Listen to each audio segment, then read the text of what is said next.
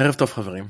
השנה הייתה 2011. ג'סטין ביבר נחת בפעם הראשונה בישראל, מחאת האוהלים בתל אביב נפתחה. הרכבת הקלה בירושלים, גם היא עשתה את צעדיה הראשונים. בני גנץ הפך לרמטכ"ל ה-20 של מדינת ישראל, ואחד, ליאור רפאלוב, עזב את חיפה. ומאז, כל מה שאנחנו יכולים להיזכר בנוסטלגיה, זה בדבר הזה. אני וזה פוגע בלב שלי יש חור שאי אפשר לסגור ואני רץ,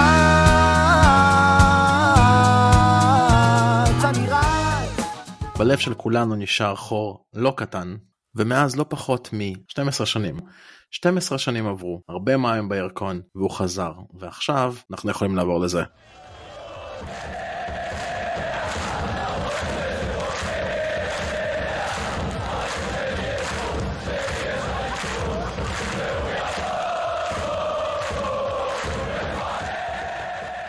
כן, כן, כן, הוא ירוק, ליאו רפאלוב חזר, מסמן אולי את אחת העברות המעניינות ביותר של הקיץ, לפי דעתי המעניינת ביותר.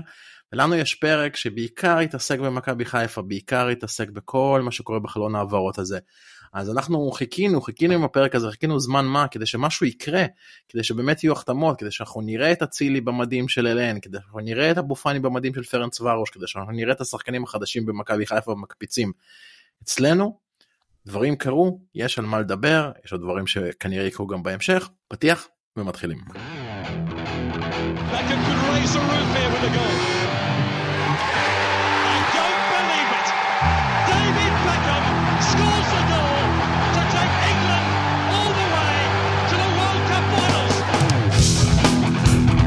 de Boer speelt de bal. Heel goed naar Dennis Bergkamp. Dennis Bergkamp. Dennis Bergkamp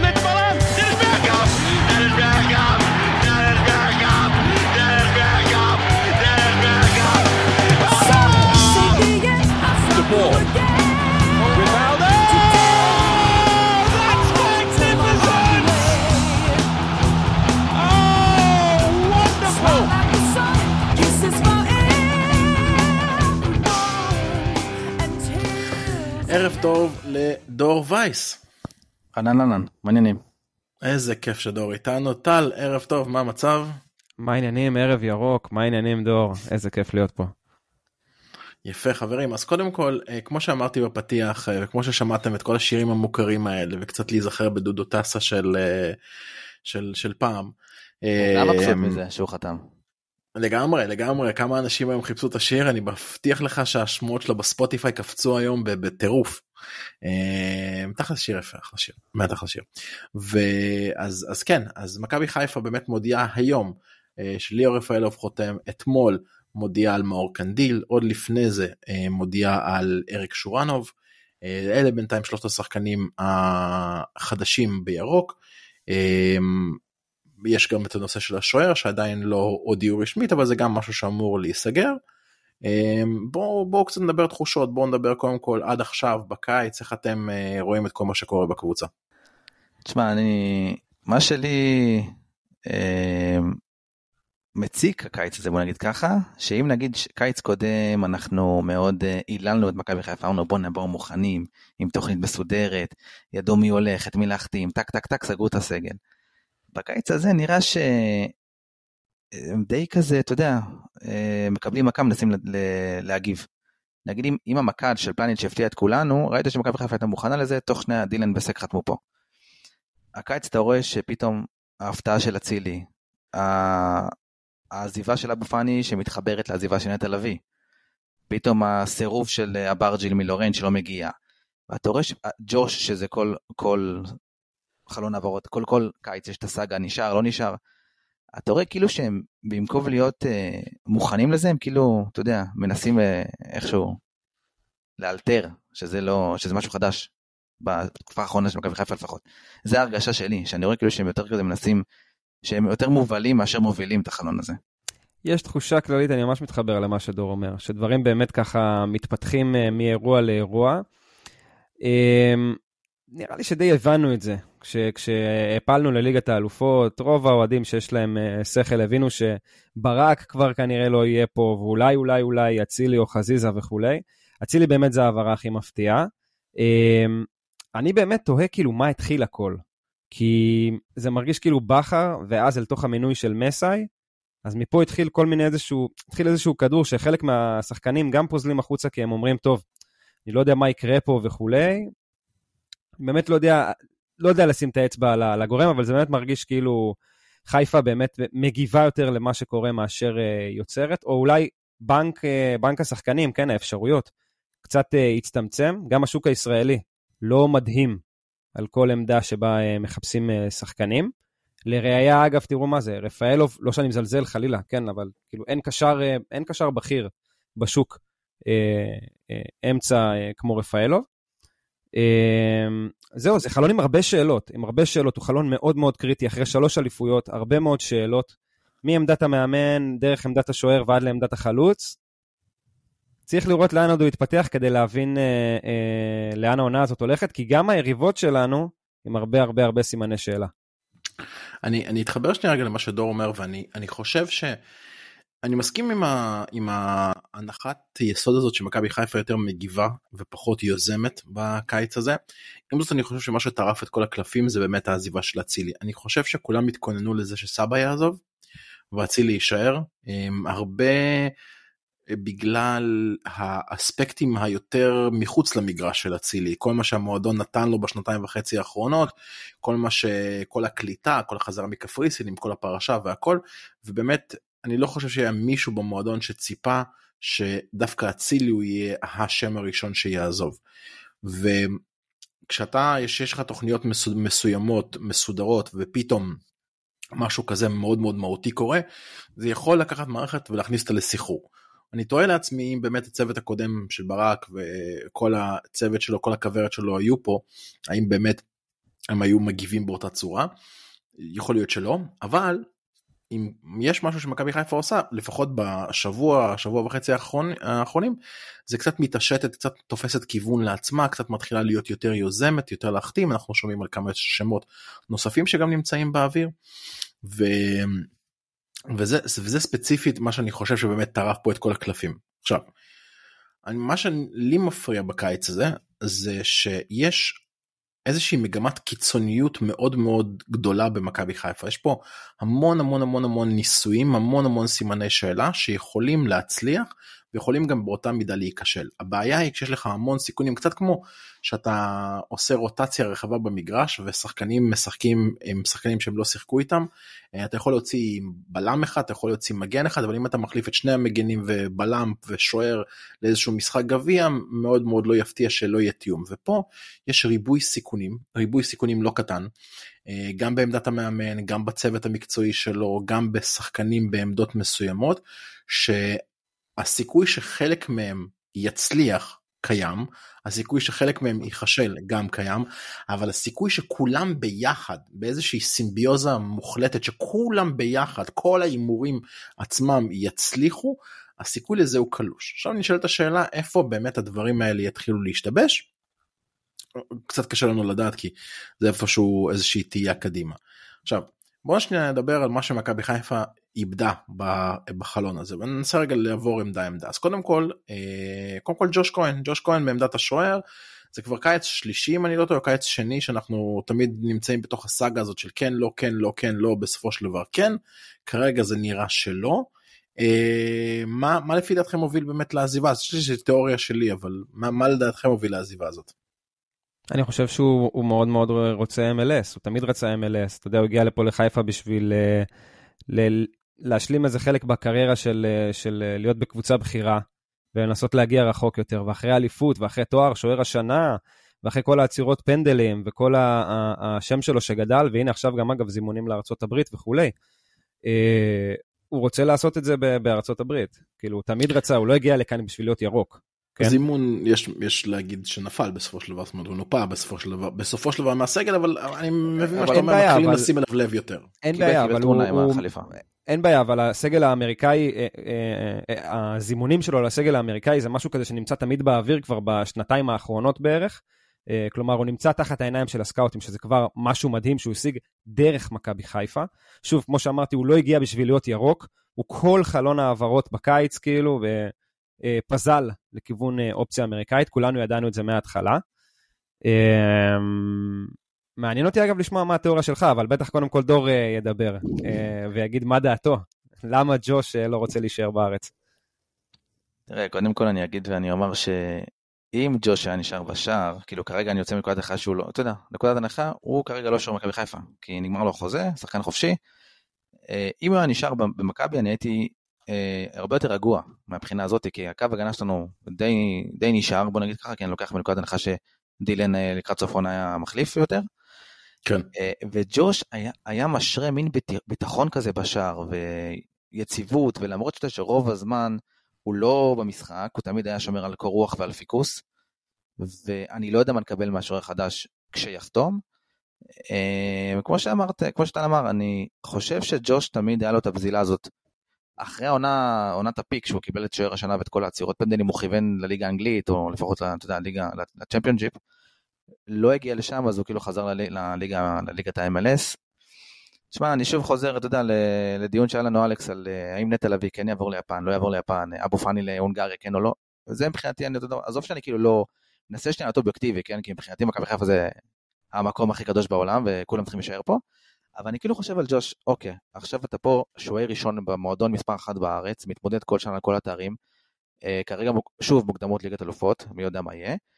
ואתה רוצה לחזור ל-MLS. עכשיו, לא שאני מזלזל ב-MLS, אבל אתה יודע, זה, מבחינתי זה לא, לא אותה רמת תחרות. קודם כל יש לציין, לחזור ל-MLS, הוא מעולם לא היה ב-MLS. הוא היה בליגה השנייה בארצות הברית, okay. אוקיי. הוא היה בקבוצה של דקל קיינן. MLS, ליגה הראשונה, הפריים של הכדורגל בארצות הברית, הוא לא היה. זהו, אז אני, אני, אני פשוט חושב שההשוואה המקצועית היא לא נכונה, אבל שם בן אדם אמריקאי, כל החיים שלו שם, בטח רוצה לחזור אותו לחזור הביתה, אז אני יכול להבין את הרצון. אמ, אני מאוד אתבאס אם הוא יעבור, אבל אני יכול להבין אותו אם הוא יחזור הביתה. כאילו מבחינת, מבחינת הרגש, לא מבחינת המקצועיות. אני אגיד לכם מה אני חושב יש פה שתי תיאוריות שאני אציג לכם אותם ואני חושב שאתם גם תתחברו ואני אשמח אם תגידו מה דעתכם. קודם כל להיות ספציפית ב-MLS בשנתיים הקרובות או בשנים הקרובות הוא הבמה הכי טובה והכי נכונה לשחקנים אמריקאים לאור העובדה שאת המונדיאל הבא ארה"ב מארחת ביחד עם קנדה ומקסיקו. זה דבר ראשון. ואומנם ה scouting בארצות הברית הוא מהמפותחים ביותר שיש בכל ענפים בין אם זה בכדורסל בין אם זה בפוטבול. אבל להיות שם לשחק את הליגה הזאת לתת את השם שלך בתוך הכותרות בטח בקבוצה שהיא טובה לא יודע בטעות אינטר מיאמי כזה לצורך המקרה שזה כאילו סביר להניח זאת הולכת להיות הקבוצה בהכי הרבה כותרות בשנה שנתיים הקרובות ב-MLS. זה כן יכול לתת לו את הזימון לסגל ויכול יותר לתת לו את האופציה אולי להיות שוער ראשון אם הוא נותן שם עונה טובה גם בואו שלושת השוערים של ארצות הברית הם לא איזה שהם שוערים מדהימים זה לא טים הווארד שהיה ממש איזשהו banker בהרכב שלושת השוערים הם פחות או יותר נמצאים באותה רמה. זה דבר ראשון ודבר שני אני מאוד חושב שלעזיבה של גיא וייזינגר הייתה השפעה מאוד גדולה על העזיבה או בוא נגיד זה ככה הריקוד הזה שג'וש היה עושה אה, קיץ כן קיץ לא אבל העזיבה של וייזינגר מאוד השפיעה. ואני מתחבר לרעיון שווייזינגר נתן לקטן לפני אה, ממש אחרי הבטחת האליפות והוא דיבר על זה שג'וש כבן אדם בן אדם מאוד מאוד חכם ובן אדם שמאוד מחפש להיות מאותגר שכלית. הוא כל הזמן רוצה ללמוד, הוא כל הזמן רוצה לראות תבניות חדשות, אימונים מסוג חדש, קשה, קל, קשה מאוד אה, לשעמם אותו, כי ברגע שהוא משעמם אתה מכבה את הבן אדם, יש אנשים כאלה, זה, זה אופי מסוים. ואני חושב שעם המעטפת החדשה, ג'וש חושב שהוא לא יקבל את אותו מאמן שיאתגר אותו או יהיה באמת איזושהי דמות סופר מעניינת. אמנם הבאנו וייזינגר אחר, אבל אני לא, חוץ מהקשר דם שלהם, אני לא בטוח שהם נמצאים באותו קליבר של אה, יכולות אימון, יכולות אימון שוערים, יכולות אימון נייחים. ואני חושב שלעזיבה של וייזינגר יש חשיבות מאוד מאוד גבוהה בעזיבה של ג'וש ואם אוהדי מכבי חיפה תמיד באים ואומרים העזיבה של הכוורת משפיעה או לא משפיעה על השחקנים אני חושב שהכי בולט לראות את ג'וש ספציפית בעזיבה של הצוות שהקיף אותו מסביב ובאמת הביאו אותו לאותה פריחה לאותו שוער שאני מזכיר לכם הגיע כמו איזה נובדי עם שם לא מוכר רק בגלל הקשר היהודי שלו והפך להיות פה שוער מהמובילים שהיו במועדון. אני חושב שאלה שתי הסיבות המרכזיות למה ג'וש לא רוצה להמשיך או לא ימשיך פה. אם יש לכם משהו להגיד, להתנגד, אני לגמרי שמח לשמוע כן טל. אני קודם כל אוסיף, אמרת ג'וש הוא בן אדם חכם, נכון, שאוהב אתגר וכולי, למי שלא יודע, יש לו תואר בביו-הנדסה ובמדעי מחשב. אוקיי, הוא לא הכדורגלן הטיפוסי שנופל לקלישאה של אני רוצה לשחק או באירופה או בספרד. אוקיי, זאת נקודה אחת. ובטח שה, שהכוורת משפיעה, לדעתי אגב זה גם השפיע במקרה של אצילי. אמ, וחשוב מאוד לזכור לגבי ג'וש, שהוא קצת כמו נטע לביא, הרי הוא סוחב פציעת כתף מאוד מאוד מורכבת שהוא לא, אה, אה, לא נותח, הוא עבר אה, טיפול שמרני כדי לפתור אותה. היא קצת פגעה ביכולת שלו, אבל עדיין זה, למרות הפגיעה ביכולת רואים כמה שוער טוב הוא, אוקיי? כלומר, הוא מסוגל הרבה יותר. למי ששכח, אחת מתצוגות השוערות הכי טובות בליגה הישראלית בחמש, שש שנים האחרונות, זה היה המשחק שראינו אותו לראשונה, מחליף את חיים אבון מכבי תל אביב. אנחנו ראינו שם שוער פנתר, ואז הבנו שג'וש הוא אמור להיות השוער שלנו. אה, וזהו, אם, אם, הוא, אם הוא יעזוב זה יהיה עוד, אתה יודע, עוד שחקן כזה שאתה אומר, אך, כל כך עצוב לי שהוא עוזב, אבל אני מבין למה, בעיקר אם זה ל-MLS, כמו שדור אמר, אני באמת מתחבר.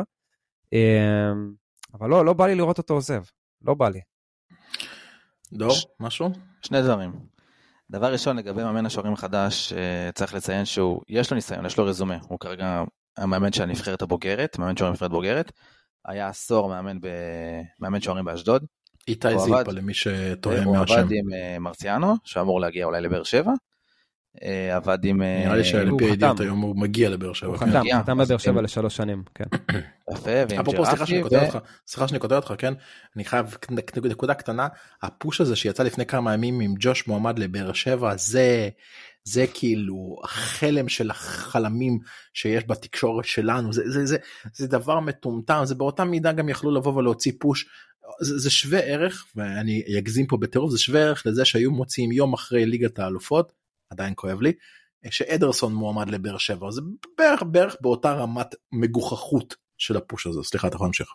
אז מה שאני אומר שעבדתי עם מרציאנו ג'רפי ומשפטי וזה דווקא די כזה מתחבר לי למוזרות של משפטי. דווקא אתה יודע למרות שזה בעצם לא, כי אם בעצם לא, לא האריכו לו חוזה אז אני חוזר בי, ואני אומר שיש לו את הניסיון שלו. דבר שני שאני רוצה להגיד, שלרוב אה, משך חיים של קבוצת כדורגל זה שלוש שנים. שזה בעצם מה שאנחנו רואים פה, מין כזה, מסוג של רנסאנס כזה. אבל אני חושב שאף אחד לא ציפה שזה ברמה הזאתי, שגם הכוורת תעזוב, וגם עומר אצילי ששחקן העונה יעזוב, וג'וש היה עמוד תווך מטורף בשער שהוא גם כנראה עוזב, ואבו פאני שהחזיק את האמצע אחרי שנטע עזב, זה כאילו הכל כזה מגיע בבום בום בום. ואם אני עוד שנייה אחזור שנייה לדיון הקודם, אז אמרנו שמכבי חיפה תמיד הייתה תוכנית מגירה למה, ש, למה שיקרה. אני לא חושב שבשום מקום הייתה תוכנית מגירה לאם עומר אצילי יעזוב, וזה בעצם מה שאתה יודע, כל הכדור שלג עכשיו קורה נראה לי בגלל הדבר הזה. כן, חד משמעית, זה, זה באמת הסנונית הזאת שבישרה במקרה הזה בוא החורף, לא את האביב, אבל כן. אז מבחינת חוליית ההגנה, אז מכבי חיפה נפרדת מדילן, אה, והוא באמת עם דילן יש רגע יש עוד שחקנים מעניינים שעזרו מחוליית ההגנה שאני צריך אה, לשים להם לב. זורק הבקבוק אה, לכאורה. הוא לא ידע שהוא משחק פה אמ, אבל אה, כן אורי דהן. סן מנחם ואורי דהן כן. סן מנחם זה סיפור מעניין. היה באמון פתיחה התאמן. נכון. נכון סביר להניח אבל שהוא לא ימשיך סביר להניח. זהו ישר יוציאו ישר הוציאו הודעה שסן מנחם הוא כנראה אה, הוא מתאמן אבל עדיין יש את כל הנושא של הפציעת ראש אמ, טיפ שלי לסן מנחם באמת ככה אם אנחנו אם הוא מקשיב לנו והוא לא. תפרוש באמת תפרוש כי כי בוא, יש דברים שלא משחקים. אפילו פציעות מורכבות ברמות של שרירים גידים עצמות רגליים ידיים כתפיים בוא אתה אתה יודע אתה יכול כאילו להחלים את זה להחלים מזה. אני אמ, זה דברים שיכולים להיות אבל פציעת ראש אתה עם נפילה לא טובה ואתה יודע אתה, אתה לא יודע את זה אבל דור מכיר את הבדיחה הזאת שיש לנו באנליסטים שג'וש כהן אה, קופץ אה, לאוויר כמו קובי בריינט ונוחת כמו מסוק של קובי בריינט אז אה, מאוד מאוד מאוד מאוד מכבד כמו שאמרתי אבל בעיקר נגד באר שבע. כן אני ממש ממש ממליץ לסאן לפרוש אני גם חושב שסאן מנחם יכול להיות דמות סופר סופר איכותית בכדורגל הישראלי זאת אומרת מין מסלול בכר esque כזה הוא לא בן אדם טיפש בכלל, הוא בן אדם שמבין את המשחק. אה, אותם עמדות חייב להגיד גם עמדת המגן כמו בכר. אה, זה הטיפ שלי לסן מנחם ודילן לפני שאתם באמת מתייחסים דילן הוא סוג של קורבן הנסיבות עם זאת יש לציין וזה סוג של כזה הוצנע בתוך הסיפור הזה של אצילי ועזיבה ופינוי מקום לזר אמ, זה שהם. ממה שאני הבנתי אולי אני טועה אבל זה אני יודע, ניזון משמועות וידיעות. דילן לא כל כך רצה להישאר זאת אומרת יותר ברמת המשפחה שלו שלא כל כך רצתה להישאר בישראל וזה אה, משהו שהוביל בסופו של דבר גם להחלטה שלו. זה מין החלטה משותפת סוג, ש, סוג של קורבן נסיבות אבל היה פה עוד דבר שלפי דעתי גם אם מכבי חיפה הייתה אולי הייתה רוצה שדילן נשאר אני לא בטוח שהוא היה נשאר. אה, התייחסות שלכם לאבדות שלנו בחוליית ההגנה. לא ידעתי לגבי דילן, לגבי מה שאמרת לי עם המשפחה, מאוד מפתיע. אה, אני חושב שאם שחקן רוצה להישאר והמשפחה שלו לא רוצה שהוא יישאר, אה, אז שלא יישאר פה. כאילו, עדיף, כי שחקן בסוף כל אימון ובסוף כל משחק הוא חוזר הביתה, ואם לאישה, לילדים, whatever, לא טוב פה, אז גם בחיפה לא יהיה טוב, והכל בסדר עם זה. אה, מאוד כאב לי על דילן, אז אם זה, גם, אם זה בגלל המשפחה, אני אומר, הכל מובן. אני אחזור שניונת אחורה לגבי סאן, רציתי להגיד, אמ, היו מקרים של כל מיני לוחמי MMA, wrestling, whatever, שחקני פוטבול עם פגיעות ראש, שתוך כדי הקריירה לא זיהו אה, בעיה כלשהי, שחקנים תפקדו והמשיכו לשחק וכולי, ופתאום בגיל 40-50, אני אפילו לא רוצה לפרט מקרים, כן, אבל קרו כל מיני דברים מאוד מאוד הזויים בתוך המשפחה וכולי. כן, סאן, כן, אתה, אה, אתה, אני יודע, אתה מדבר על קריס בנואה, לפי דעתי. בדיוק, קריס בנואה וכולי. אה, זה מטורף. כן, עזוב, לא כדאי, לא צריך, סאן, יש לך ראש, תשתמש בו לאחרי הקריירה, אתה מתאים להיות אה, איש מקצוע. הוא לא מקשיב לנו עכשיו, אבל אני אומר את זה למאזינים שיחשבו על זה, סאן יכול להיות אחלה איש מקצוע. אה, אני מבין את ה passion לשחק, כאילו, אתה יודע, זה מה שהוא אוהב לעשות, כאילו, ולפרוש בדבר כזה, כאילו, זה נראה לו ממש כן, מבאס. קשה, קשה, החוויה הזאת, אתה, אתה יודע, אה, החוויה הזו של מכבי חיפה בליגת האלופות, פריז, יובנטוס פה בסמי עופר, כל מה שיש מסביב, מעט מאוד דברים יכולים בכלל להשתוות להיי המקסימלי של הדבר הזה. ברור. עם זאת, עם זאת אתה מעדיף לא להיות בהיי מקסימלי אבל להיות בחיים ופה זה לבלים שונים של מה אתה מעדיף להיות. אמ, דור משהו לגבי. אה, תראה קודם כל לגבי סאן אה, אני חושב שהנקודת זמן שהוא נמצא בה שזה בעצם אחרי שכבר אתה אליפות שלישי ברציפות אתה הפכת להיות בורג רציני בקבוצה אתה היית הקפטן של הקבוצה הופעה בליגת אלופות אני חושב שיהיה לו בוא נגיד יותר קל במרכאות להגיד אוקיי חבר'ה אני פורש מאשר אם בוא נגיד נחזור עכשיו נלך נגיד זה היה קורה לו חס וחלילה לפני שבע שנים אז זה היה נראה כן, יותר סטייל אתה יודע השאלה של קריית שמונה וזה כזה דבר. אז זה, זה מבחינתי כאילו אני רואה את הסוג של השלמה כזאת שאם הוא יפרוש. אה, לגבי דילן אה, כשהוא הגיע והוא נחת אמרנו וואו איזה בלם הגיע לפה. שסק על ספסל. אז שסק שיחק אמרנו וואו איזה שני בלמים הגיעו לפה. ולקראת סוף העונה דילן באמת אה, היה אתה יודע, בלם מחליף. להשאיר בלם זר כבלם מחליף זה קצת בעייתי שאנחנו צריכים שחקנים בעמדות אחרות בוא נגיד ככה. אה, שזה מתחבר לבעיה בוא נגיד לסוגיה המשפחתית שהייתה לו ולעזיבה של אצילי אז זה די מובן לי. אה, הוא היה שחקן אהוב הוא היה אחלה שחקן הוא היה חיבור מאוד יפה בין כל השחקנים אבל מבחינה מקצועית אני חושב שזה היה צריך לקרות בלי קשר לעזיבת אצילי. השחרור של דילן בצער רב כי זה פשוט להיות, אתה יודע, במקום הנכון בזמן הלא נכון. ככה אני חושב שזה כאילו העמדה שלו הייתה. כן, זה גם עמדה קלאסית לאור הסגל של מכבי חיפה ואני מזכיר לכולם שיש גם את רמי גרשון בכל, הסיפ... בכל הקונסטלציה הזאת. זאת עמדה קלאסית אם אנחנו נדבר, אנחנו נדבר בטח בפרק הזה על כל מה שקשור לשילוב צעירים וזאת עמדה קלאסית לשלב בלם או צעיר או מה שאנחנו קוראים לו יהודי תפוצות כזה למצוא איזה מישהו עם אה, סבתא דודה משהו במשפחה היהודי ולהביא אותו כאשר הוא מראש יהיה בלם שלישי רביעי ולרוטציה זה קלאסי והיום ממש לפני שהתחלנו להקליט את הפרק מישהו באמת העלה פוסט אה, לגבי יונתן לייש שיונתן לייש זה אולי אחד הבלמים היותר מבטיחים שיש אה, אה, למכבי חיפה. הסיבה היחידה שהוא לא היה בסגל למונדיאליטו זה כי אה, שני הבלמים של הנבחרת זה ישראלו ולמקין שהם גם מקושר עם הפועל תל אביב גם משחקים ביחד והסיכוי שלו לשחק היה קטן מאוד. אבל אה, דור אתה קצת מכיר את יונתן לייש מבחינת השחקן אז אם אתה יכול לזרוק על זה כמה מילים זה גם יהיה מעניין שהקהל יכיר. תראה קודם כל יונתן לייש היה תקופה גם בוויאדוליד שהוא רצה לשחק, אה, הוא יצא לשחק לתקופת השאלה בוועדוליד, לא כל כך הלך, חזר לפה, בלם מאוד מאוד חזק, מאוד חכם, אה, וואלה, לא- לא נתונים. פיזיים- חריגים יש לציין לשחקנים ישראלים מאוד גבוה. שחקן חכם, גבוה, גם בוא נגיד אחרי שנה בספרד אתה מקבל יסודות וראיית משחק שהרבה יותר מפותחת מהכדורגל הישראלי, עם כל הכבוד לכדורגל שלנו.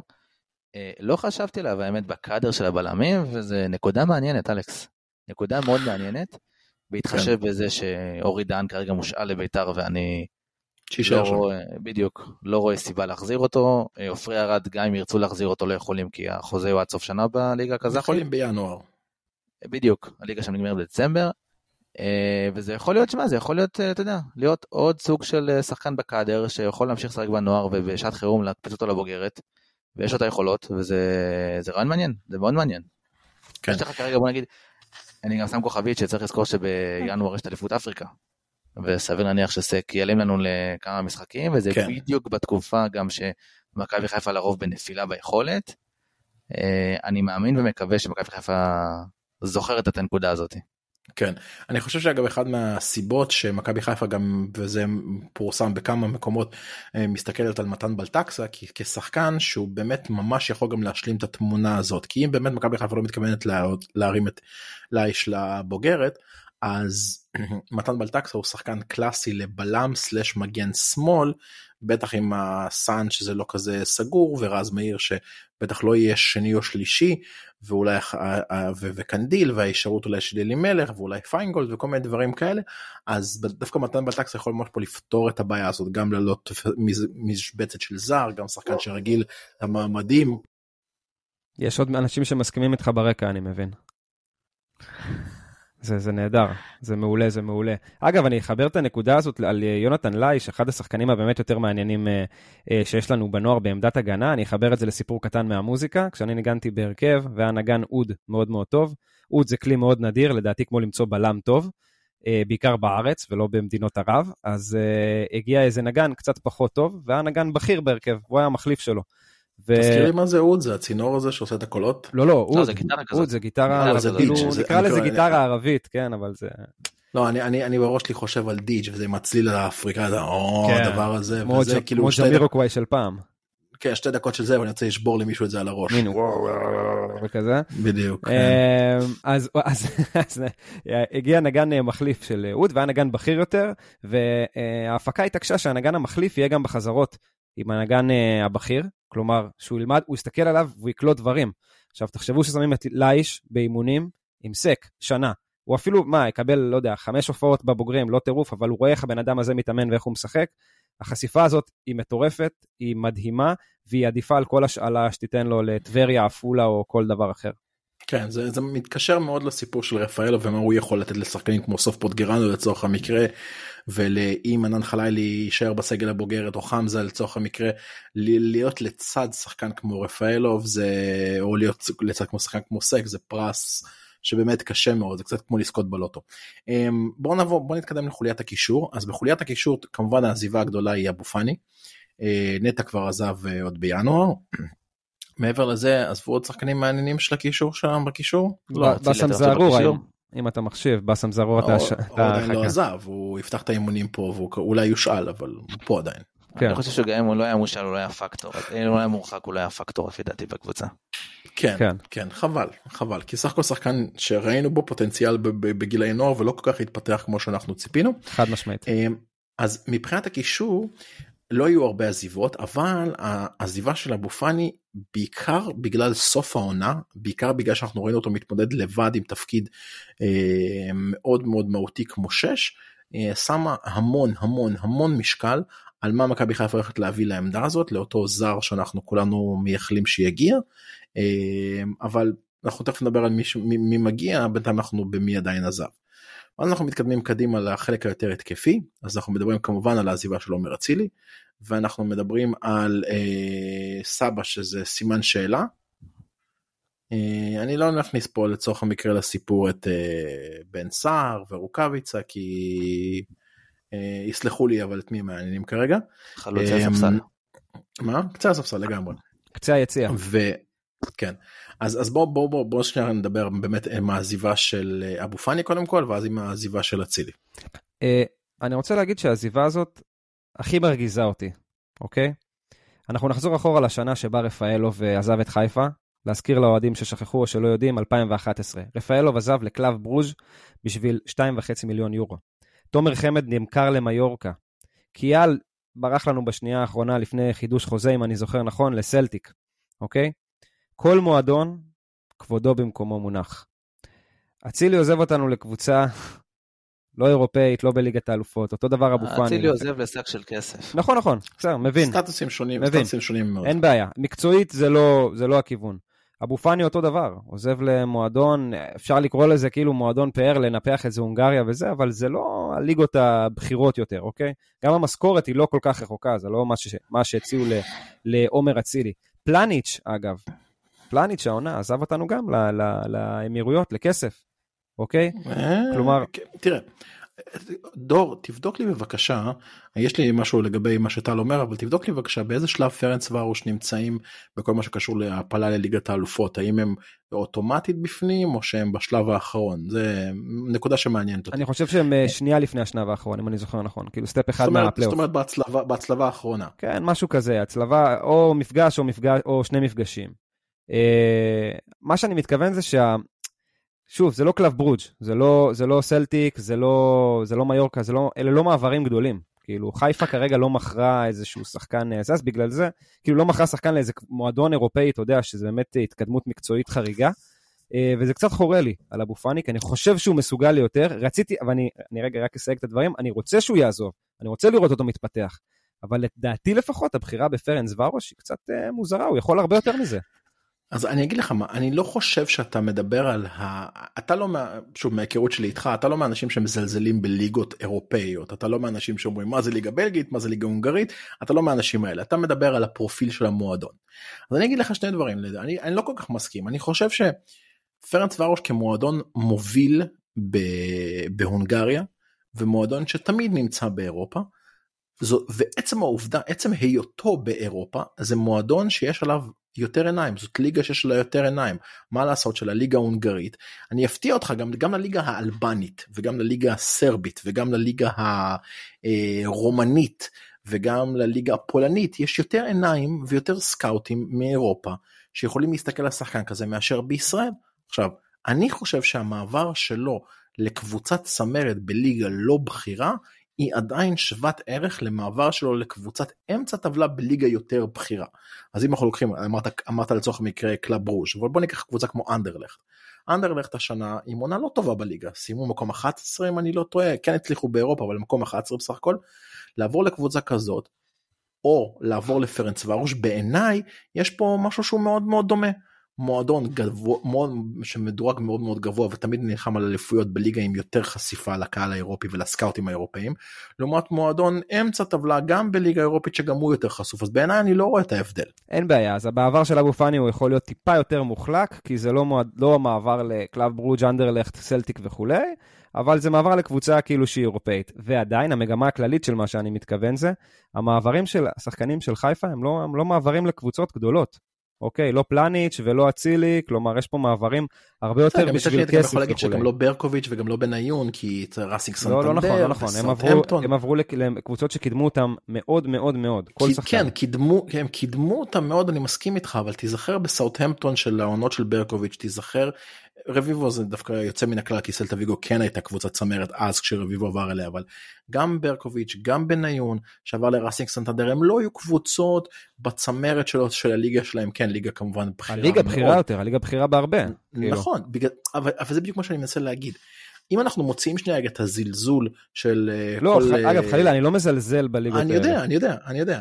אם אנחנו מוציאים שנייה את הזלזול מהמשוואה לא שלך של רוב האנשים שעדיין חושבים שאנחנו ליגה שישית באירופה כן?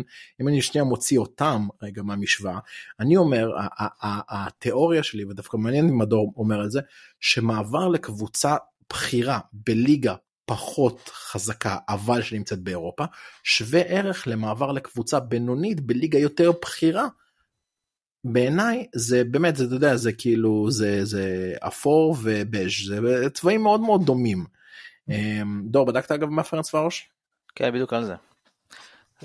ההונגרים בניגוד למכבי חיפה מדורגים עם 20. שומעים אותי?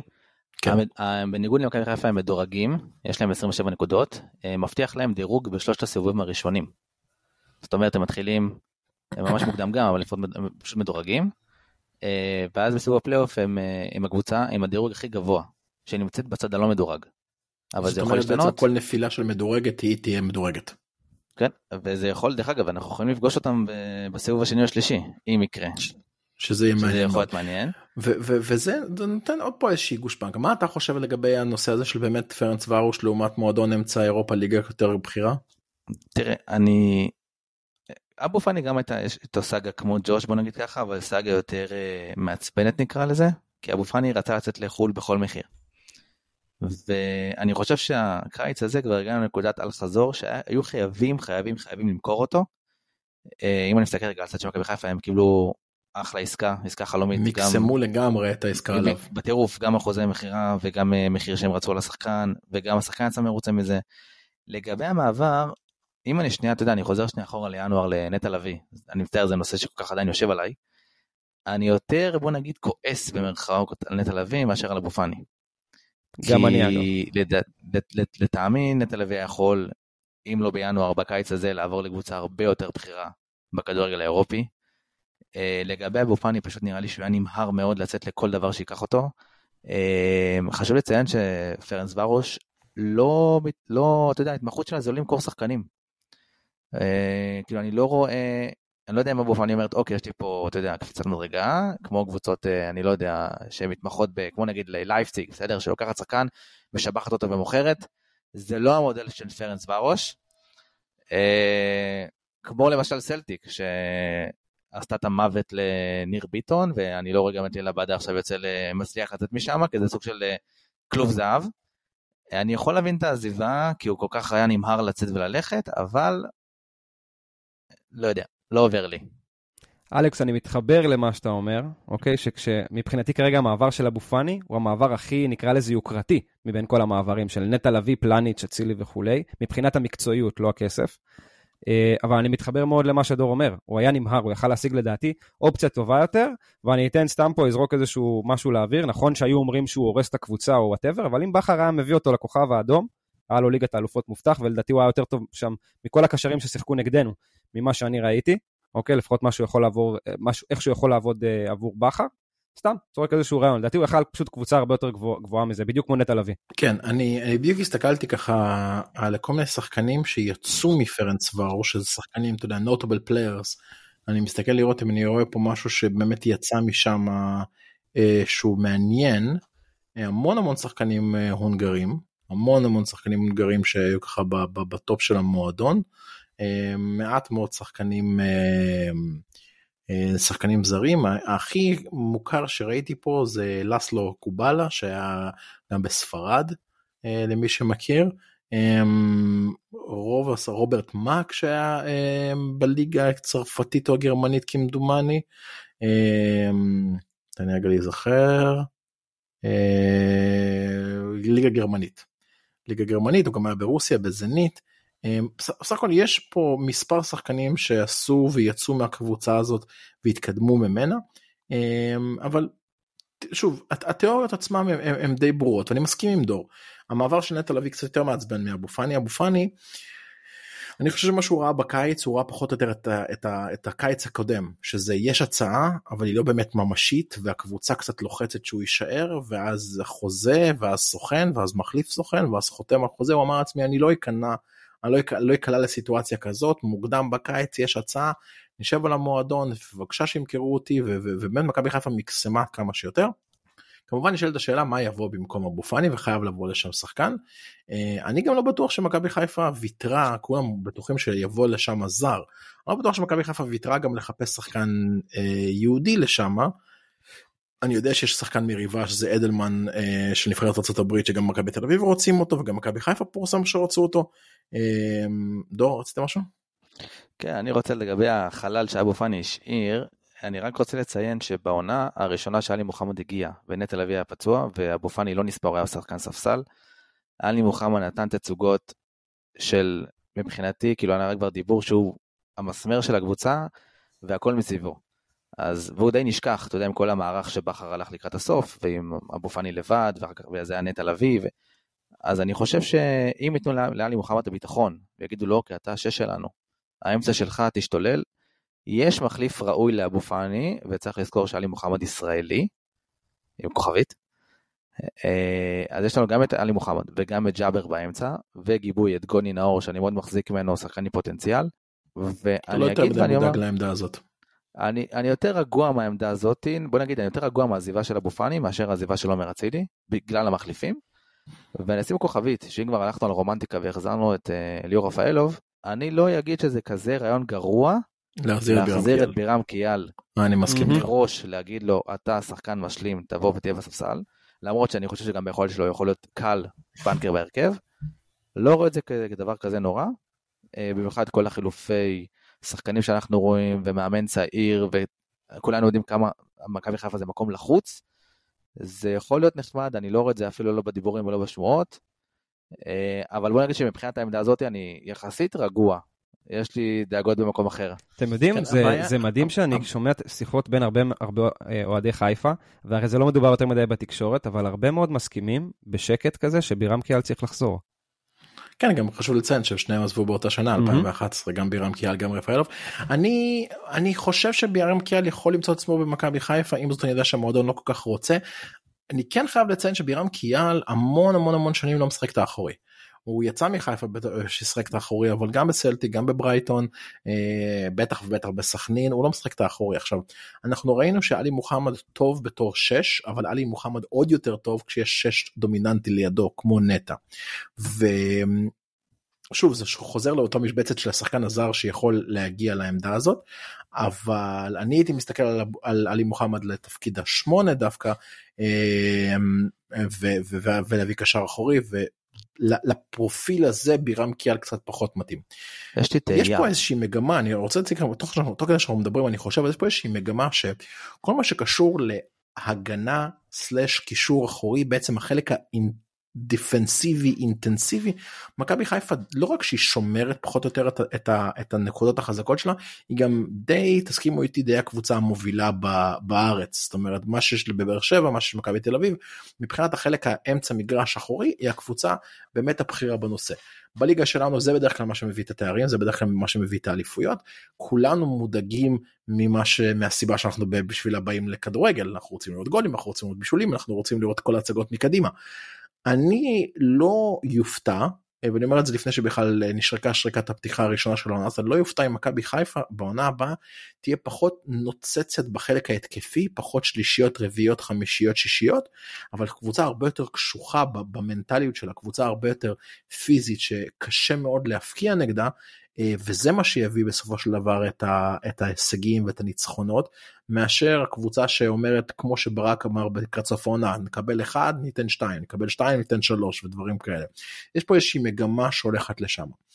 עכשיו מבחינת השחקנים אז אצילי באמת אה, הוא, עזיבה גדולה. עכשיו אני חושב שבאמת סופרלטיבים על עומר אצילי אנחנו יכולים להגיד מפה עד להודעה חדשה אבל כן מעניין אותי לדעת מה התחושות שלכם לאור העזיבה שלו. האם אתם מקבלים את ההחלטה שלו אתם לא מקבלים את ההחלטה שלו אתם חושבים שהוא היה צריך לוותר על הכסף? אה, מדובר פה בסכומי כסף מאוד מאוד אה, רציניים. לאור המקום שלו לאור הקריירה ואני כן חייב לציין נקודה אחת קטנה שאני מאוד מאוד אוהב דברים כאלה שמסתובבים. אני לא יודע אם שמתם לב ביומיים האחרונים אה, נוצרה מהומה מהומה ברמה מדינית אה, הגזענות כל הזה ועומר אצילי הוצג באתר של אלן בתור רומני. וכולם מה זה לא מכירים בישראל לשם הלכת לשחק מהם אתה רוצה את הכסף פעם פעם פעם פעם פעם והיום כמובן אחרי כל הסערה אז אה, יוצאת ידיעה והיא קצת מראה שהסערה הזאת הייתה בסך הכל סערה בכוס תה והסיבה שהוא מוצג בתור אומני זה שיש מדינות באסיה שאלן משחקת שם בגביעי אסיה השונים שאין כניסה לישראלים אינדונזיה אגב אפרופו מונדיאליטה וכאלה זאת אחת מהם. והם הציגו אותו באזרחות השנייה שלו כדי שהוא יוכל לבוא ולשחק עם הקבוצה בכל, בכל המשחקים האלה ככה שלפני שממהרים אה, לצעוק גזענות גזענות וגוואלד אה, כדאי לבדוק את הדברים. עומר אצילי ועזיבה קדימה. אולי יביא ליגת אלופות. אה? אה, ליגת אלופות של אסיה. כן, כן, ברור. אה, תשמע, אם אתה שואל את הלב שלי על עומר אצילי, אז אני עצבני. אני כועס, אני מבואס, בא לי שהוא יישאר, כאילו, אתה יודע, בן אדם שכמעט ב-130 הופעות שם מה, 50, 59 שערים? כמה? 59 שערים ב-127 הופעות ומבשל 38 פעמים. זה... רגע, טל, אני רוצה, אני רוצה להראות לך מה, אני רוצה להראות לך איך, איך הדברים האלה עובדים. כשדור נמצא בפרק ולך יש 아, אה, שאלות אוקיי, לגבי אוקיי, נתונים, אוקיי. אתה אומר, דור, דור, דור הנה, הנה, מה הנה. המספרים, תן לי, תן לי, ודור, תן לי, דור, ודור דור. מה המספרים של אצילי, תבדוק לי בינתיים, תוך כדי שאני אמשיך. לא צריך לבדוק, יש לו yeah, את זה, יש לו את זה פה, בעונה השמאלית יש חלון פתוח כזה, הוא נפתח כרגע, והוא יוצא נתן לך מספרים, בישולים, אסיסטים, XG, XY, מה שאתה רוצה. קדימה דור.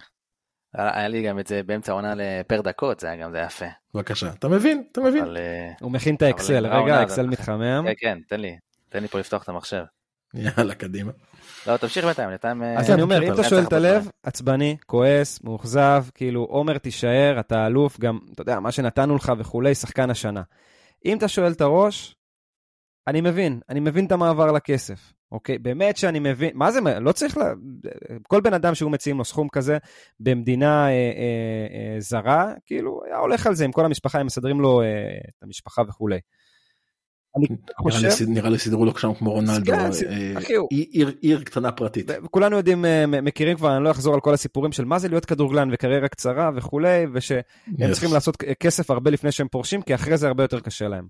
אבל אני חושב שאם הוא היה נותן פה אפילו מוקדמות, כמו פלניץ' כזה, אפילו את המוקדמות צ'מפיונס, ולא יודע מה, מודח איתנו לאירופית, או אפילו מי יודע, מעפיל עוד פעם לצ'מפיונס, הוא היה משיג חוזה אירופי בקבוצה, אה, אה, אה, מה, 300 אלף אה, אה, אה, דולר פחות לשנה, אולי חצי מיליון, אני יודע מה, מקבל מיליון.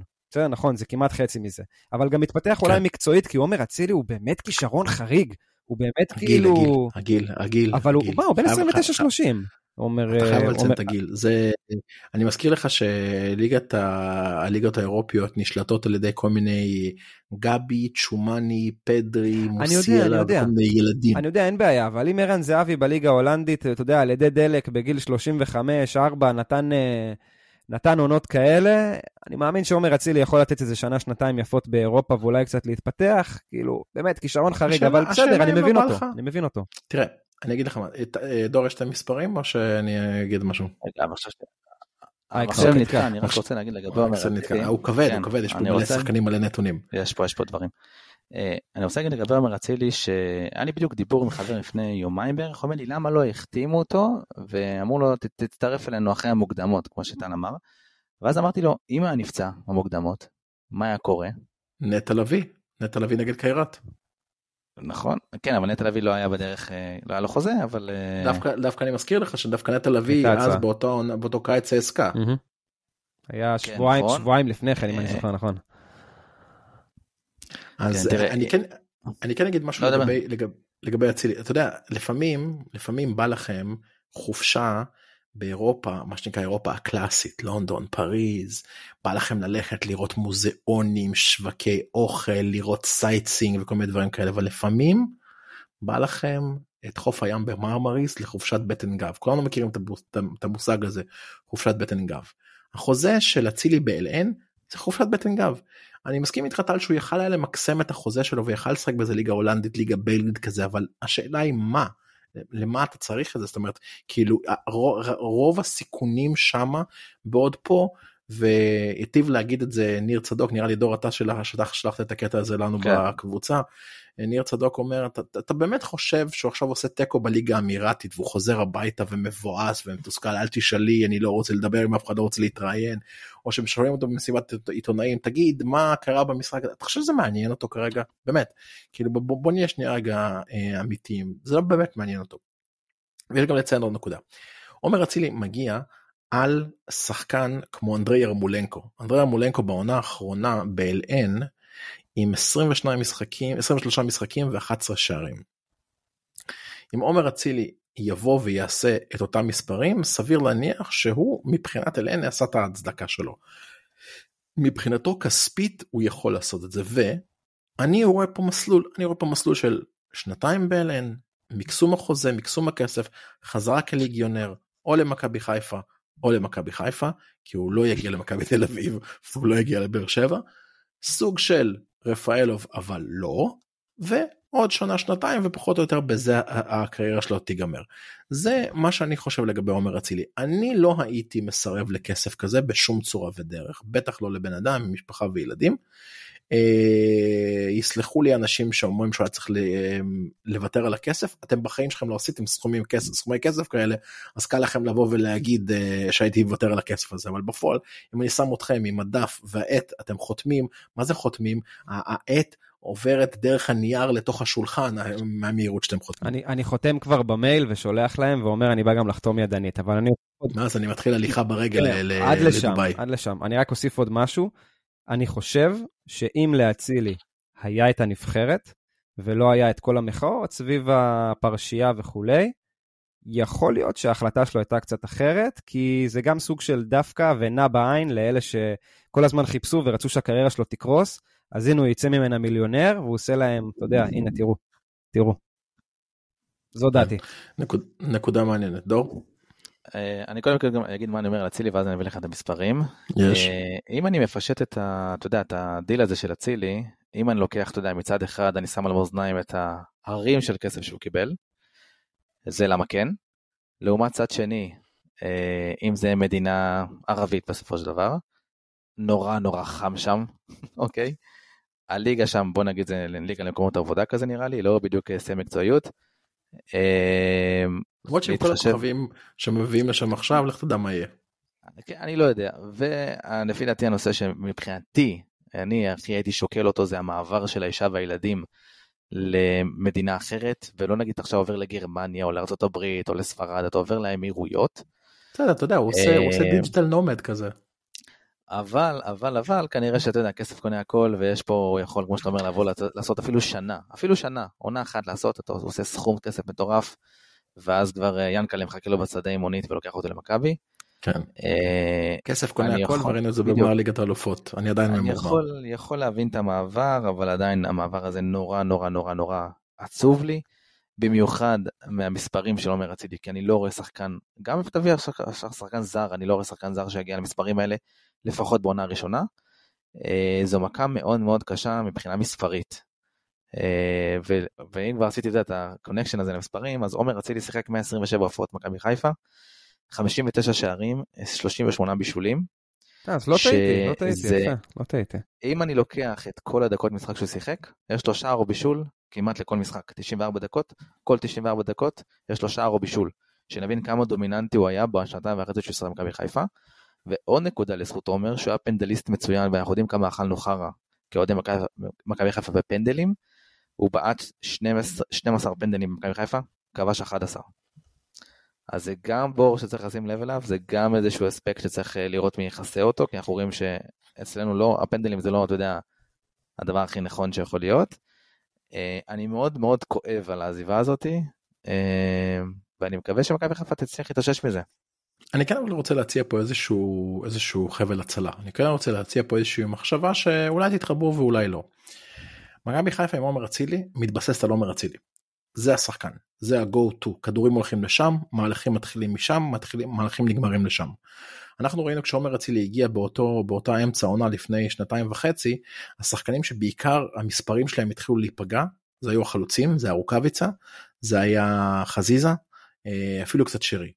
כי מכבי חיפה עם עומר אצילי מתבססת על עומר אצילי בדיוק כמו שמכבי תל אביב עם זהבי מתבססת על זהבי.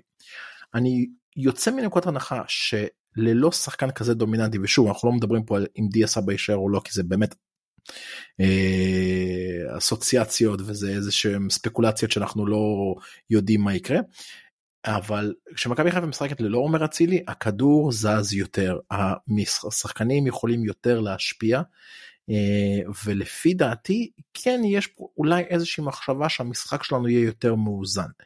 ויש גם פה איזושהי קריצה לגבי היריבות שלנו כי כשאתה צריך לסגור שחקן אתה סוגר שחקן אנחנו רואים את מכבי תל אביב נגיד עושה את זה הכי טוב נגד מכבי חיפה וספציפית נגד עומר אצילי שמתמקדת בו ונותנת לו לצאת מהמשחק ומתוך המחשבה שאנחנו כל הזמן נחפש אותו ושחקנים אחרים צריכים ממש לקחת בכוח את המשחק עליהם.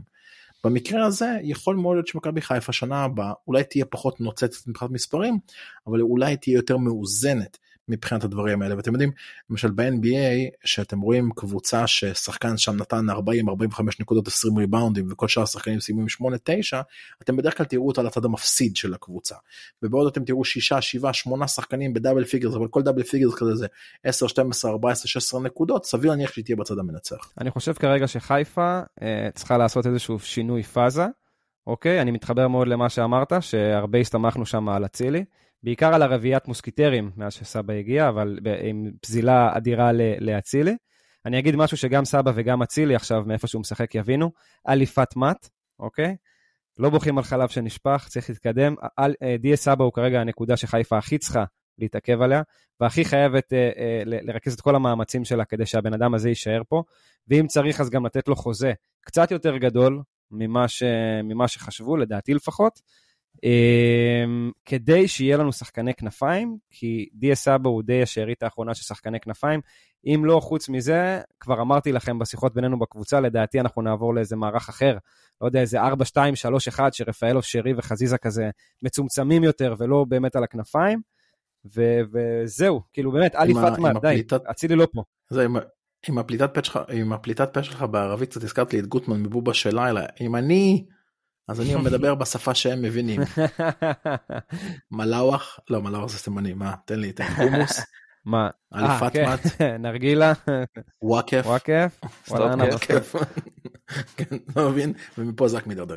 אמ, זה לגבי, אז זה באמת מבחינת השחקנים שפחות או יותר עזבו, שמנו פחות או יותר את הדברים האלה באיזושהי מסגרת.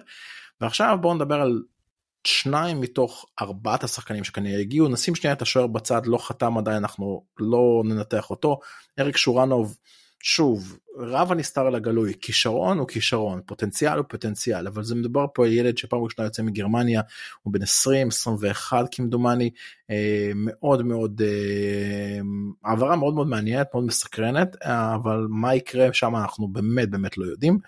אה, ובוא נדבר באמת על שני השחקנים שחתמו זה מאור קנדיל וכמובן ליאור רפאלוב. עכשיו בוא נתחיל עם מאור קנדיל ואני חושב שהדיבור בכל מה שקשור להחתמה של מאור קנדיל ודיברנו על זה ארוכות בקבוצה זה למה. זה בעיקר למה לאור העובדה שיש רועי אלימלך ויש אלי פיינגולד והיא בעצם שאלת שילוב הצעירים. זאת השאלה הגדולה קנדיל. רפאלוב השאלה שלו זה יותר מבחינת באיזה פאזה הוא מגיע, איך הוא עושה את כל החזרה לארץ, באיזה תפקיד הוא מגיע, איזה תפקיד מייעדים לו בקבוצה, שם השאלה יותר מקצועית. עם קנדיל השאלה היא יותר אסטרטגית ומבחינת מה מכבי חיפה רוצה להסתכל קדימה. אני אגיד, אני אגיד את זה ככה, לקח לי כמה שניות להבין את המעבר של קנדיל. אני, אני לא כל כך מתחבר למעבר הזה, אוקיי? אני לא אפרט כל כך למה, אבל אני לא מתחבר כל כך למעבר, אבל אני מבין אותו, אני מבין אותו לגמרי. חיפה, אה, אלברמן כנראה בונה על זה שסונדגרן, חלק נכבד מהעונה, בגלל שדילן לא כאן, יצטרך לשחק כבלם, ואז בעצם קנדיל בחלק מהמשחקים הוא יהיה המגן הפותח, ופיינגולד או אלימלך יהיו המגנים המחליפים. זו התהייה שלי, ככה אני לפחות חושב שאני, שאני רואה את זה. אה, כי באמת סונגרן בתור בלם אה, הוא לא רע בכלל, בעיקר כשראינו אותו בתור מגן בסיום העונה אחרי הפציעה. קצת אה, מפספס את הדריבלים על הקו, ואין לו את, ה, לו את החדות אחרי הפציעה. זה, זה לפחות אה, אה, אה, הדעה שלי לגבי קנדיל. מה הדעה שלך, דור? דור, זהו, דור באמת התנגד נחרצות בקבוצה, אז בוא תיתן את המשנה שלך. אה, תראה, אני מאוד לא מבין סלש מקבל את ההחתמה הזאתי. אה, אני לא רואה איזשהו, אני כששחקן חותם במכבי חיפה, אני אומר, אוקיי, זה ישדרג אותי. אוקיי, זה שחקן שאנחנו היינו צריכים. אני לא, קנדיל לא עונה לי על, על אף אחת מהשאלות האלה. אה, אני לא רואה איזושהי סיבה, אתה יודע, אני לא רואה הבדל, בוא נגיד, אם קנדיל יושב לספסל, או רז מאיר יושב לספסל מבחינתי. לא, אל תגזים. סונגרן. אל תגזים. לא יודע, אני, אני בוא נגיד שאני, בוא נגיד שאת שניהם אני מעדיף שלא יהיו ואני אקדם את אחד הצעירים. מצ... אם מתחבר, אני מקווה, נקודת זכות, אם אני ניתן נקודת זכות לצוות המקצועי החדש בראשות דגו, אני מאוד מאוד מקווה שסוף סוף מכבי חיפה ישכילו וכן ייתנו לצעירים דקות. אה, יש לי עוד משהו קטן להגיד את זה לקראת הסוף, אני אנסה לזכור את זה. לגבי מאור קנדיל, גם אם ישחקו בשלושה בלמים, כמו שתהינו בקבוצה ודיברנו, אני הייתי מעדיף עדיין שחקן מבחינתי לא יודע, צ'יבוטה, סוף, חזיזה, לא יודע מה, שיהיה את המגן התוקף הזה. אני אה, לא רואה סוף יותר על שמאל. אני כן. אומר, אני לא יודע, לא, לא אכפת לי מי, אני מעדיף, אני לא רואה איזשהו ערך מוסף בהחתמה של קנדיל. הייתי מעדיף, יודע, מה- אם אנחנו כבר שלושה בלמים, תן לפנגולד לשחק, תן לרועי אלימלך לשחק, אני מעדיף, אה, אני מעדיף ש- את, ה, את הריסק הזה, בוא נגיד ככה, אז יש זהו, שאני רוצה. להתחבר, אני רוצה רגע להתחבר לריסק הזה שאתה אומר. אני, רגע, אני, משפט אחרון, אני. אזכיר לכולם שבהחתמה הראשונה בחלון הקודם, זה היה ינון אליהו, שחתם כמגן ימני. אותה תהייה. כמו שיש לי, אותה תהייה כמו שהייתה לי עכשיו, כן. הייתה לי תהייה גם פעם קודמת, לא רואה את זה כשדרוג ולא רואה את זה כערך מוסף. אני לא חושב שפיינגולד, אה, אני לא חושב שקנדיל ואליהו נמצאים באותו סטטוס. אני חושב שקנדיל מה שהוא מביא זה בעיקר בעיקר בשנים האחרונות מאבקי צמרת מכבי תל אביב מועדון לחץ ודברים כאלו גם שחקן יותר פיזי. אה, על אף מבנה הגוף הקצת שונה בין שני השחקנים שהוא שחקן יותר פיזי שיותר גם פרון לעבודה הגנתית ומכיר את הליגה טוב והוא לא כזה צעיר אמ, זה בהבדל בין אליהו אבל אבל אתה מעלה פה נקודה שהיא מעניינת לגבי שילוב הצעירים תראו. אני שומע המון המון המון דיבורים על שילוב הצעירים מכבי חיפה פיינגולד אלימלך אה, חמזה אה, חלילי ואנחנו מבססים את העובדה שהם יכולים להיות טובים על בסיס מה שאנחנו ראינו מהם בנוער ובמונדיאליטו שהם שיחקו עם שחקנים בגיל שלהם. זאת איזושהי אינדיקציה אבל היא לא באמת אינדיקציה אמיתית אם אתה לוקח אותי עכשיו ואתה מחתים מביא לי שחקן מול העיניים שקוראים לו אילי פיינגולד ולא ראיתי אותו בחיים בנוער או כן ראיתי אותו בנוער ובמונדיאליטו זה מבחינתי אותם אותו סטטוס נתונים כי אני לא יודע מה הוא יכול לבוא ולתרום שמה. זה בדיוק כמו שתיקח שחקן אה, בוא ניקח שחקן כדורסל אה, לא רע כמו ים מדר שמשחק בליגה שלנו וכיכב בליגה שלנו ואפילו משחק עכשיו באירופה ונחמד שמה. ותשים אותו בתוך ה-NBA ות, ותנסה לבוא ולנבא על בסיס הכישרון שלו על בסיס היכולות שראינו פה איך הוא יצליח שם. אנחנו לא יודעים. פיינגולד נראה כמו שחקן מוכשר רועי אלימלך נראה כמו שחקן מאוד מוכשר אבל אנחנו לא באמת יודעים מה אנחנו הולכים לקבל מהשחקנים האלה. ועם מאור קנדיל אתה כן יודע מה אתה תקבל. אולי אתה לא הכי מת על זה אבל ריזיקה מסוימת בוא נגיד את זה ככה אם העונה הזאת הולכת לכיוון לא טוב טוב לי שמאור קנדיל בקבוצה זה קצת זה קצת דבר והיפוכו אם העונה הולכת לכיוון לא טוב טוב לי שמאור קנדיל בקבוצה כי אני לא רוצה לדחוף לעונה לא טובה שחקנים כמו פיינגולד ואלימלך ולהרוס אותם ועשינו את זה עם יותר מדי צעירים בעשר שנים הגרועות שלנו שניסינו לדחוף כל מיני עמית זנתי וכל מיני שחקנים כאלה פנימה וזה אתה יודע התפוצץ לנו בפרצוף.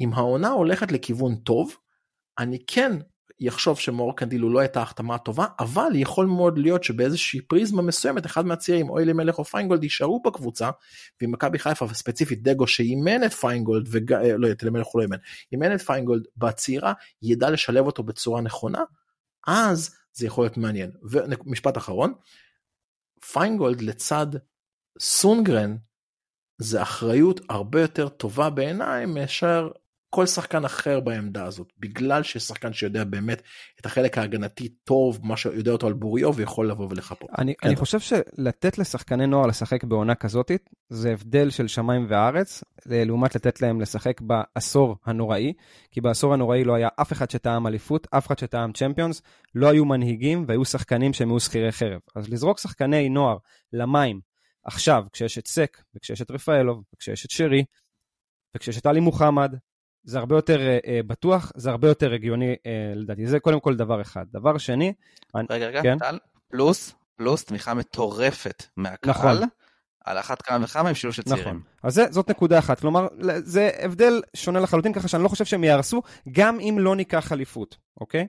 דבר שני, אני חושב שלשים שחקן נוער, כן, זה הימור, אוקיי? זה הימור, בעיקר בעונה שבה אתה שם את מסי דגו על הקווים, מאמן שהוא גם הימור בפני עצמו, אבל, ואבל, אני אקביל את זה קצת לרעיון עבודה, נגיד מגיע איזה מתכנת ממש ממש טוב, אתה יודע, אחרי מלא מתכנתים כאלה שלא התקבלו, ואז מגיע איזה מישהו ממש טוב, שגם הוציא תואר והוא מצטיין וכולי וזה, ואז אפל מסתכלים עליו, חבר'ה זה לא פרסומת לאפל, ואז אפל מסתכלים עליו ואומרים, שמע, אתה מאוד מתאים לנו, אבל אנחנו צריכים עכשיו שתיתן פה איזה שנה בחברה XYZ, תעבוד, ואז תחזור אלינו ותוכיח. זה לא עובד ככה, כלומר, שחקן, אנחנו מאוד, אנחנו הישראלים מאוד סקפטיים, קשה לנו להיות, להאמין באיזשהו משהו.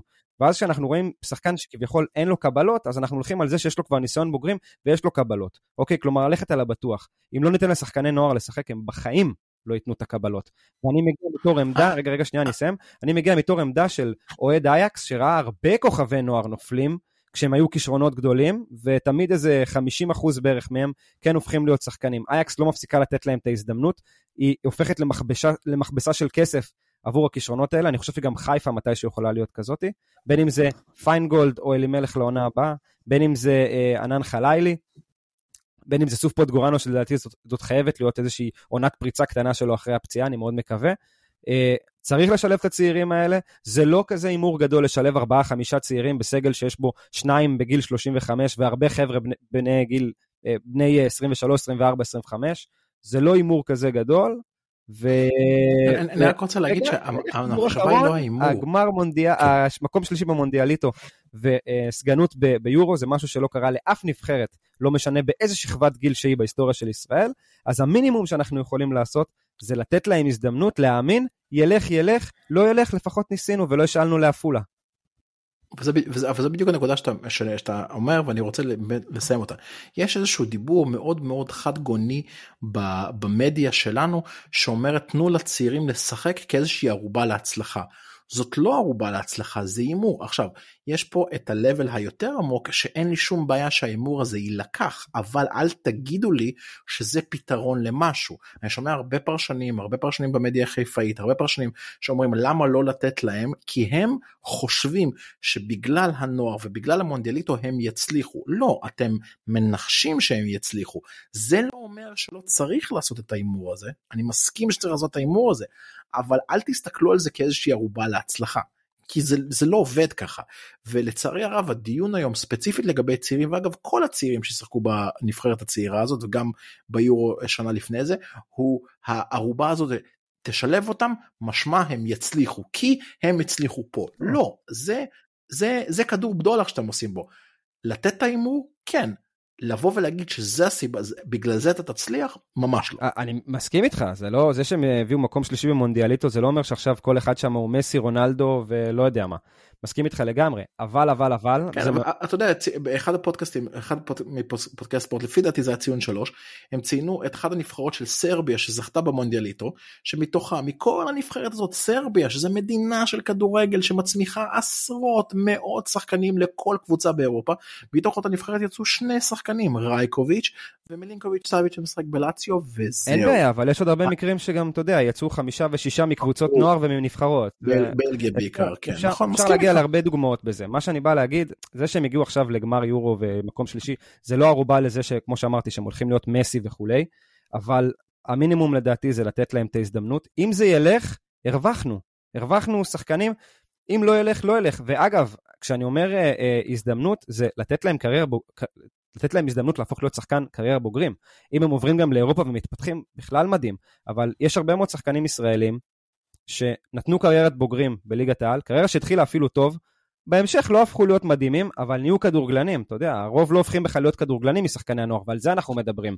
ומה שהרגיז אותי, זה שאני איזה שבועיים בערך שומע יותר מדי פרשנים מאוד מאוד פסימיים, עולים אחד אחרי השני ומפמפמים את הסטטיסטיקה שרוב שחקני הנוער לא הופכים להיות בוגרים. בסדר, נכון, אנחנו יודעים את זה, הכל טוב. אל תפמפמו את זה כי זה לא עוזר לאף אחד, תנו להם את ההזדמנות. אולי, אולי הם ישברו סטטיסטיקה מסוימת פה בארץ, ואם לא... מאוד, אז... זה גם מאוד מאוד תלוי מקרה. 아, כן, בדיוק. זה מאוד תלוי בדיוק. מקרה, כאילו, להסתכל על זה כמכלול כן. זה... זה... זה, זה, זה בשביל לייצר את הכותרת, אף שחקן ישראלי צעיר לא תאמין לי שגם הם יודעים את הסטטיסטיקה הזאת, פשוט תנו להם את ההזדמנות, וכמה שפחות בקבוצות כמו, לא יודע מה, קבוצות ליגה לאומית, אתה יודע שהמשחקים מכורים וזה, תנו להם הזדמנות במקום שבאמת בא לשחק כדורגל. לכאורה. אה, כן, נגיד לכאורה. תנו להם הזדמנות במקום שבא לשחק כדורגל, אתה יודע, שש הראשונות כזה, אפילו נתניה, הפועל ירושלים, אשדוד, מכבי פתח תקווה ועונה טובה, משהו כזה שיבואו והתנסו בכדורגל בוגרים טוב, למרות שלדעתי יש כבר כמה, כבר אמרתי את זה, שראויים להזדמנות בוגרת בחיפה, עם כל ההימור שבזה. ילך ילך, לא ילך, ניסינו. אני מסכים איתך עם כל קבוצה חוץ מפתח תקווה מפחיד אותי לשלוח שחקנים מהשאלה בפתח תקווה הם איפשהו נשארים שם והם מצליחים הם מקרים אחרי זה בחמש מיליון ואז אנחנו אמרנו אפה מה מה קרה. ראית את השלט החדש שהם אה, שמו? אה אתה לא עובר בפתח תקווה טוב אני אני פתח תקווה. לא. שמו. מה יש לך בפתח תקווה? כן אתה צודק אתה צודק. אה, שמו שמו שלט מעל המגרש של עבדה טייבה ריבו וסולומון כאן חלומות מתחילים משהו כזה שלט ענק כזה. אה, יפה. יפה. כן האמת היא שהבת הגדולה שלי כאילו היא שוחה היא טרום נבחרת וספציפית מנבחרת השחייה שלה יצא גלושקו. נו, גלושקו בדיוק. וכן היא הפוסטר פה גם בתור טוב דור אתה פה בקריות אתה רואה אותה תמיד על, ה... על השלטים והדברים כאלה כולם מאוד מאוד מתגאים בה ומראים אותה בתור איזשהו פרוספקט להצלחה. אה, נחמד כרעיון שיווקי האם זה נכון זה קצת מזכיר את אה, איך קוראים לילד הזה עם מארץ נהדרת אה, שאבא שלו דוחף אותו לכדורגל. מארץ נהדרת לירוי לא מארץ נהדרת ישראלים. כן. הישראלים כן. והבן שלי כוכב. אה, דור קטנה שלך לגבי הנושא הזה לפני שאנחנו נסיים ונעבור לנסיך שלנו שחזר. תראה אה, לגבי הצעירים אני אגיד ואני אומר כמו שאתה יודע לגבי הפסימים שצריך לקחת בחשבון שככל שהשנים מתקדמות גם הטכנולוגיה וגם ה, נקרא לזה הרצינות של השחקנים הצעירים היא מתפתחת הם יותר כאילו מסתכלים על זה כבר מגיל צעיר כמקצוע כקריירה. כן כי אפשר לחפף יותר. ללמוד להתפתח בדיוק אז זה גם נותן להם בסיס ויכולות יותר טובות להתקדם זה דבר ראשון דבר שני לגבי השילוב צעירים לפחות מכבי חיפה. אני לא אומר שצריך לעשות את זה בכוח אני חושב שצריך לעשות את זה במידה צריך לדעת איך לעשות את זה. ואני חושב שזה כבר היה יכול לקרות בעונה הקודמת ואפילו בעונה הקודמת הקודמת אצל בכר. ואני מקווה שדגו ידע איך לעשות את זה, ואני לא עכשיו אומר, אתה יודע, תמסמר עכשיו את אה, פיינגולד, אלימלך או שיבלי להרכב ותגיד הם ועוד עשרה, אלא תדע למנן את זה, תדע מתי כן לתת לשחקן עשר דקות, עוד רבע שעה, עוד 20 דקות, משחק לא טוב, סבבה, תשאיר אותו בחוץ, שלא יאכל את החרב. משחק גביע, גביע טוטו, כל השטויות האלה. בדיוק, קצת לתת להם את הנגיעות האלה, וכולנו נרוויח גם כאוהדים, גם כמועדון וגם ככדורגל ישראלי. לא לשכוח, כן, לא לשכוח שיאניב קטן עלה כמחליף נגד פריס סן ג'רמן כשהוא היה בכיתה י"ב. אני לא משווה את כמות הכישרון, אבל אני רק זורק את זה כאן כן. לאוויר. אני רק רוצה, אני לא יודע, טלי, מתי היית במשחק הזה? אה, דור, אתה היית במשחק שרועי אלימלך אז בישל שם את כן, השער האחרון? היית? תשמע, כן. הפופ שהיה לקהל, אתה יודע, מדברים בענפי ספורט אמריקאים, כל מיני ענפי האבקות, UFC, WWE וכאלה דברים, יש מה שנקרא, יש מושג שנקרא הפופ של הקהל, זה כאילו ברגע שהוא מוצג או ברגע שהמוזיקה שלו מתחילה להתנגן, פתאום הקהל נכנס לאיזה אקסטזה.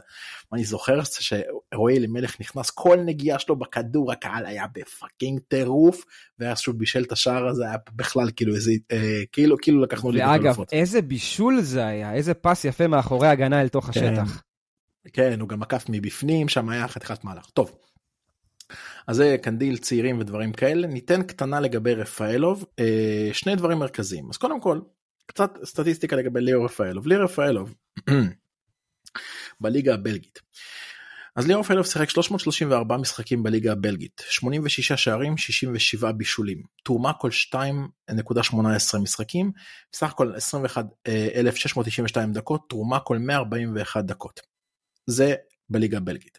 בליגה, אה, במפעלים האירופיים כשהוא שיחק בבלגיה, 90 משחקים באירופה, שלב מוקדמות וכל מה שבא אחריו, 20 שערים, 26 בישולים, תרומה כל 1.95 משחקים, 5,857 דקות, תרומה כל 127 דקות. סך הכל בקריירה, 631 משחקים בבלגיה, 153 שערים, 105 בישולים, תרומה כל 2.44, 39,873 דקות, תרומה כל 154 דקות, זה היה החיקוי הכי טוב שיכלתי לעשות לדור אי פעם.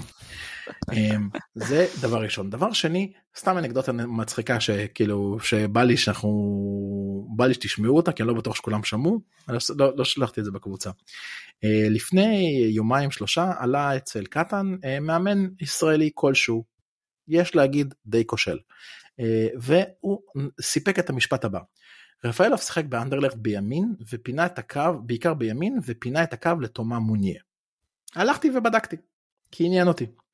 אז רפאלוב בעונה האחרונה 29 משחקים 19 מהמשחקים שלו היו באמצע בתפקיד של שרי 8 משחקים כחלוץ נוסף ורק 3 משחקים בצד ימין. במשחקים שהוא אה, פתח אה, שני בישולים במשחק נגד אה, RFC סרייג פתח באמצע המגרש מאוד דומה לשרי. שער נגד סנט טרוידן פתח באמצע המגרש דומה לשרי. בישול נגד ווסטרלו נכנס כמחליף במקום החלוץ. שער ובישול נגד קורטרייק פתח ב-442 לצד חלוץ נוסף לצד פביו סילבה ששיחק העונה באנדרלכט. אה, בישול נגד סטנדרט ליאז' פתח חלוץ במערך 442. שערים שני שערים נגד אופן אה, פתח מאחורי החלוץ מערך 4231 בתפקיד של שרי. בעצם שום שער או בישול לא בא במשחקים בהם הוא פתח בצד ימין שזה היו רק שלושה משחקים. וכדי לחזק את הנקודה ופה פה, פה השוס. תומא מוניאל לא משחק בבלגיה מאז 2016. אוקיי? אז uh, פרשנות uh, ובדיקת uh, נתונים מהי. Um, אז זהו. אז ליאור רפאלוב באמת חוזר לקבוצה ואני אפתח ואני אגיד שלטעמי ליאור רפאלוב בתפקיד שמכבי חיפה מייעדת לו היא לא מייעדת לו את התפקיד של הכנף. היא מייעדת לו תפקיד אמצע והיא מייעדת לו באמת את העבודה לצד שרי וההחתמה של ליאור רפאלוב שמה עוד יותר זרקור ועוד יותר משקל על דיה סבא. כי בצורה הזאת אם סבא נשאר ויש לך כנפיים מאוד מאוד בטוחות עם סבא וחזיזה בצדדים, עם דין וסוף כמחליפים בצד אחד, עם קנדיל או אחד מהצעירים שיכולים לפתוח במערכים עם שלוש בלמים, יש לך, עם מאביס גם שמה, יש לך איזון, אה, חלילי כמובן, אה, שיבלי, יש לך איזון מאוד מאוד מעניין בצדדים, ואז באמצע המגרש יש לך רפאל או שרי, אתה יכול טיפה להוריד את הלחץ מליאור מבחינת כמות המשחקים וכמות הדקות, אתה יכול להוציא ממנו הרבה יותר. זה דבר ראשון. דבר שני, בעיניי, בעיניי ליאור רפאלוב הוא קלאס אחר של שחקן שחוזר מפה מבחינת סוג הליגיונר שהוא היה. זה לא הולך להיות השחקן שהולך לתבוע את ה... אתם יודעים, לדרוש את הכבוד הזה, תכבדו אותי כי אני ליאור רפאלוב, זה לא אותו שחקן. ולראיה, כשהיה את ה live משדה התעופה, אז שמעתי את אחד הפרשנים מדבר ואומר, אני גידלתי את ליאור מאז שהוא היה בנוער, הוא היה מספק לי כותרות כל משחק. אל, אל תחשוב, אני לא חושב שהוא הולך לספק לך כותרות, הוא הולך יותר מדי לשתף עם זה פעולה, חזר שחקן בפאזה אחרת, בוגרת הרבה יותר, ואני חושב שהפרס, הפרס הגדול שמכבי חיפה מביאה עם ליאור רפאלוב זה לא המספרים, זה לא השערים, זה לא הבישולים, זה לא הדקות משחק, זה העזרה לצוות הצעיר שמגיע למכבי חיפה, ובעיקר, בעיקר דוגמה לצעירים. מבחינתי אם אני ענן חלילה ואני יודע שרפאלוב חתם בקבוצה אני זכיתי אם אני חמזה שיבלי פיינגולד אלימלך אפילו שחקנים קצת יותר מבוגרים כמו ג'אבר לצורך המסוף אלה שחקנים שמבחינתי לחלוק חדר הלבשה עם מקצוענים ברמה של רפאלוב ושרי זה פרס מאוד מאוד מאוד גדול. אה, זוהי דעתי לגבי רפאלוב ולגבי החזרה שלו. אה, כל אחד כן תיתן בוא בוא נתחיל עם דור דווקא דור תן לי אתה את החזרה שלך לרפאלוב אה. חוץ מהפן המרגש. בדיוק חוץ מזה שזה מאוד מרגש אותי מחזיר אותי אחורה בזמן ותשמע לראות את ליאור בירוק זה פשוט מדהים. אה, אני חושב דרך אגב אלכס למה שאתה אמרת שלא רק השחקנים הצעירים אני חושב שלצורך העניין גם דולב חזיזה יכול ללמוד מאוד מאוד מליאור רפאלוב. חד משמעית. כאילו בוא נגיד שחזיזה כבר בזבל מסוים אני חושב שליאור יכול לעלות אותו עוד מדרגה למעלה. אה, אני רוצה לקחת, להתייחס דווקא לטיימינג של ההחתמה, כי עד ההחתמה של ליאור רפאלוב זה בדיוק כמו שדיברנו עד עכשיו, נראה לי כמו אה, כאוס, ומכבי חיפה לא מוכנה, וה, והרכשים היו שליליים, ואני מאוד מאוד רוצה להאמין ולקוות שהיום, אחרי ההחתמה, אז אולי, אתה יודע, המזל יתהפך, ואז פתאום נראה תוכנית סדורה ודברים יסתדרו כמו שמכבי חיפה רוצה, ושחקנים שמכבי חיפה רוצה כן יחתמו. אה, ולראיה, שים לב גם לגאונות של מכבי חיפה, שעה אחרי שליאור חתם פתאום יצא מתווה המנויים. שלפני זה היה דיבור מי יחדש מנוי, כן, ועונה פיננסית, ומה יהיה, ואני דווקא רוצה להתייחס לזה בפן, אתה יודע, בקרמה הטובה שאני מקווה שזה יביא, גם למסביב של הקבוצה וגם לחדר הלבשה, ואני מאוד מאוד מאוד מקווה שהוא יצליח ולא יקרוס כמו רוב הליגיונרים שמנסים לחזור לפרישה בארץ, כי כמו שאמרת, אני חושב שהוא בקלאס אחר, אני חושב שהוא במעמד אחר, הוא אחרי קריירה מפוארת בבלגיה, כולל שחקן העונה בבלגיה באחת מהעונות. אה, ואני מאוד מאוד רוצה שהוא יצליח, ואני מחכה לראות אותו בסמי עופר. תשמע, הוא לא שיחק בסמי עופר, הוא עזב עוד בקריית אליעזר. אז uh, יהיה מעניין.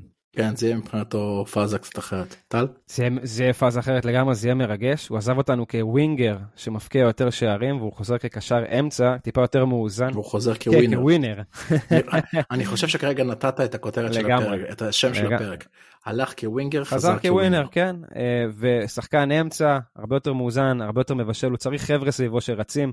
כאן מצטרפת הנקודה כמובן של אה, דיה סבא, וחלילי, סוף, חזיזה, אולי אפילו פיירו אם הוא נשאר, חבר'ה שעובדים, שרצים, כי המסירות של אה, רפאלוב זה, זה פלוס מאוד מאוד חזק.